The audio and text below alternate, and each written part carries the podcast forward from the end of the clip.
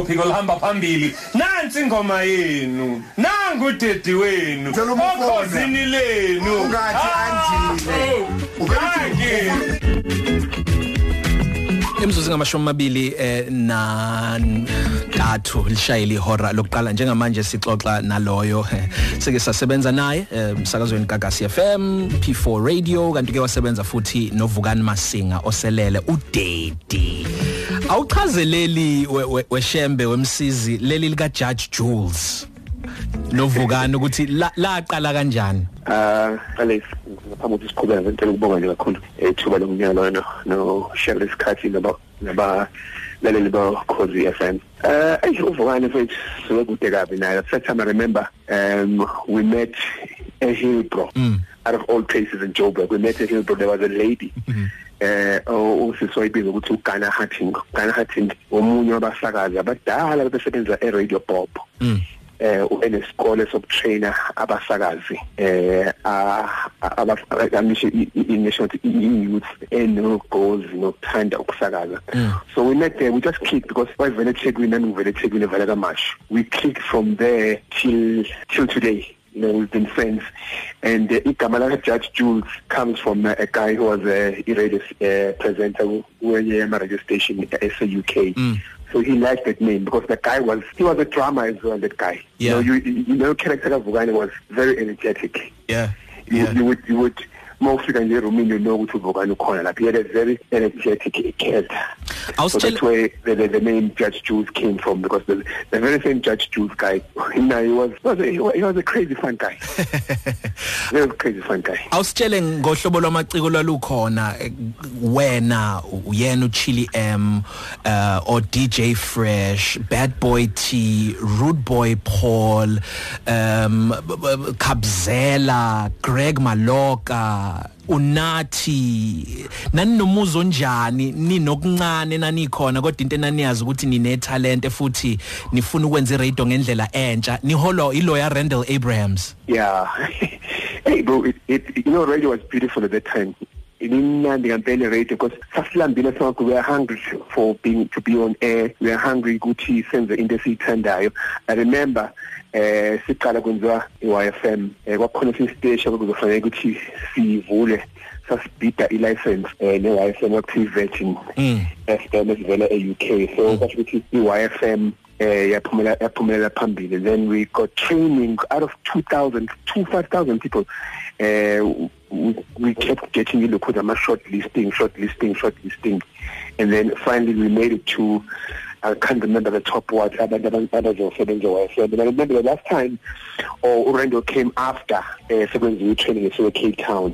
Eh wayesebenzela one of uh, the SABC radio stations in Cape Town wafika and kwakuyisonto sabiza sonke wathi wazani madad eh sekuyakhulunywa ke manje ukuthi umuntu uzenza i show.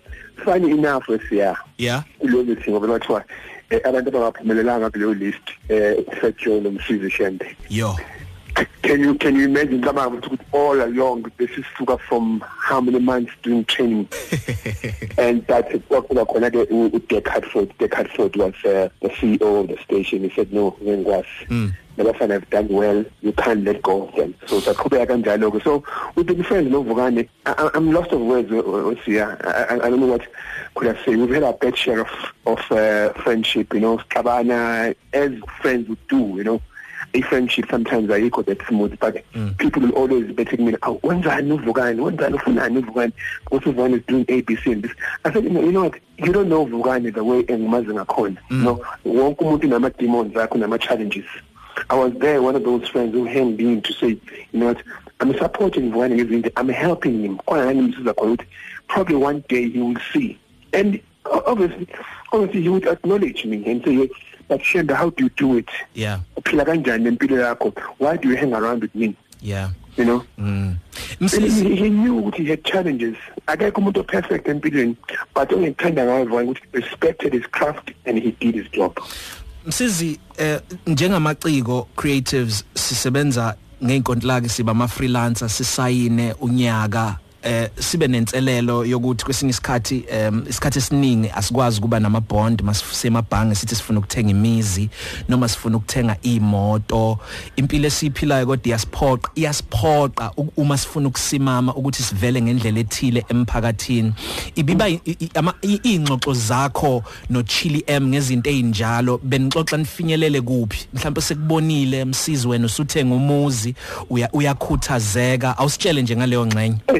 Uh, you mentioned it earlier on, you know, Vugane, he, he, he, he knew what was going on. He was his own worst enemy. And he'd said it that interview, ukuthi, ube yisitha sakhe mm himself.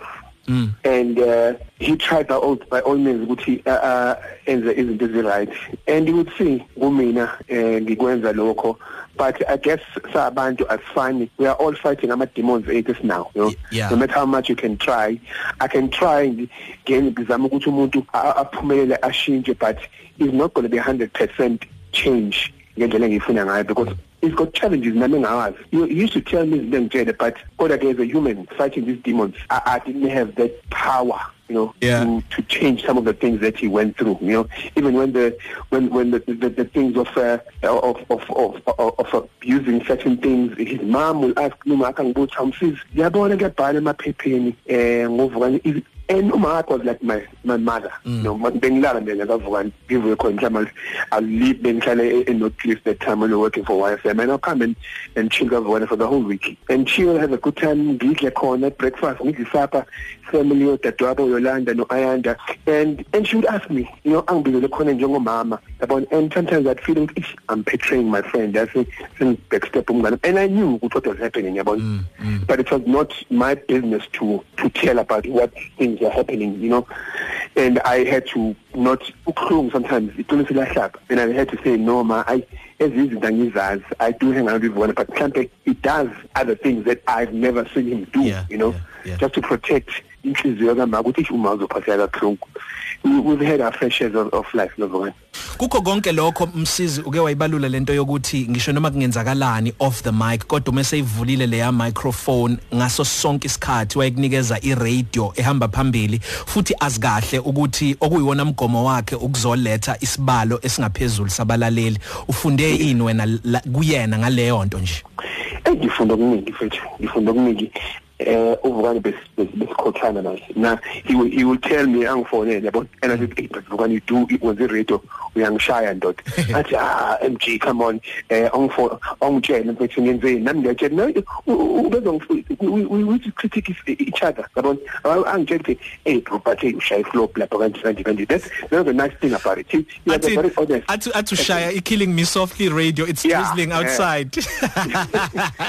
Hey bro hey missiles lapha so he, he was that kind of person. He was very genuine. You know no matter people can label him ngendlela ethile but he was a very genuine person. He was he was kind of hearted person ngisho ukuthi we are all facing ama demons nama challenges esinawo but umuntu asimazi mongamazi umuntu kahle ukuthi ubani ngeke uzumazi because you'll always hear the other side that uyizwa ngabanye abantu ukuthi umuntu ube umuntu onjani but once you get to know umuntu personally you'll understand and nalo muntu okushare ama demons akhe and understand ukuthi I, I, know what this person was going through so when was a very honest person he will tell you into engayithandi Yeah. he was very genuine yeah ngeke kutshela into and ezokubhayizisa and he knew nezinto ukuthi they are wrong but kunezinto ongakwazi ukuthi you know aziyeke kalula ngisho noma you know akuphumeki kalula. He, knew until up to this day the last time I saw him was at a family, uh, family wedding in Fort Lorath yeah. You know we spoke kwaba mnandi yabona nje we we- we've been we- we've been talking over the phone but sometimes talk to awumtholi he he'll change his numbers but nayifuna yena uzokuthola. Uma kufuna yena uzokuthola. Futhi yeah uzokuthola mayifuna yena uzokuthola but it's, it's a loss. We, we we really lost a brother. We really lost a brother and a friend.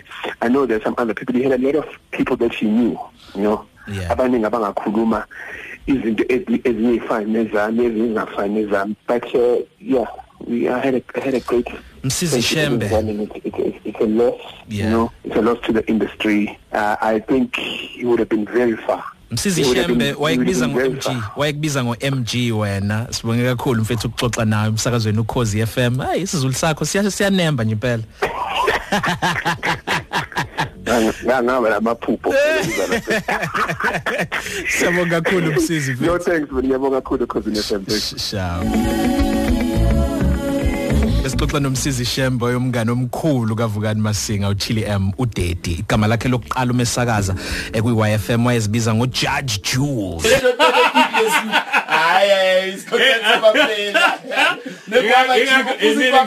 imina engizoba Ushaye i-cocktail egwava nescope. kwivela mina ngishaya lezi ngishaya lezi engidube ngathi slicker always a pleasure hayi isikhothela baphela we run Jersey Florida it's mean how can you run Jo- how can you run Jersey vele with a Joburg kodwa uthi ezinye zeinhlelo eh engikhumbulayo essential drive eyenziwa eh, uChili M eh, noDineo Ranaka.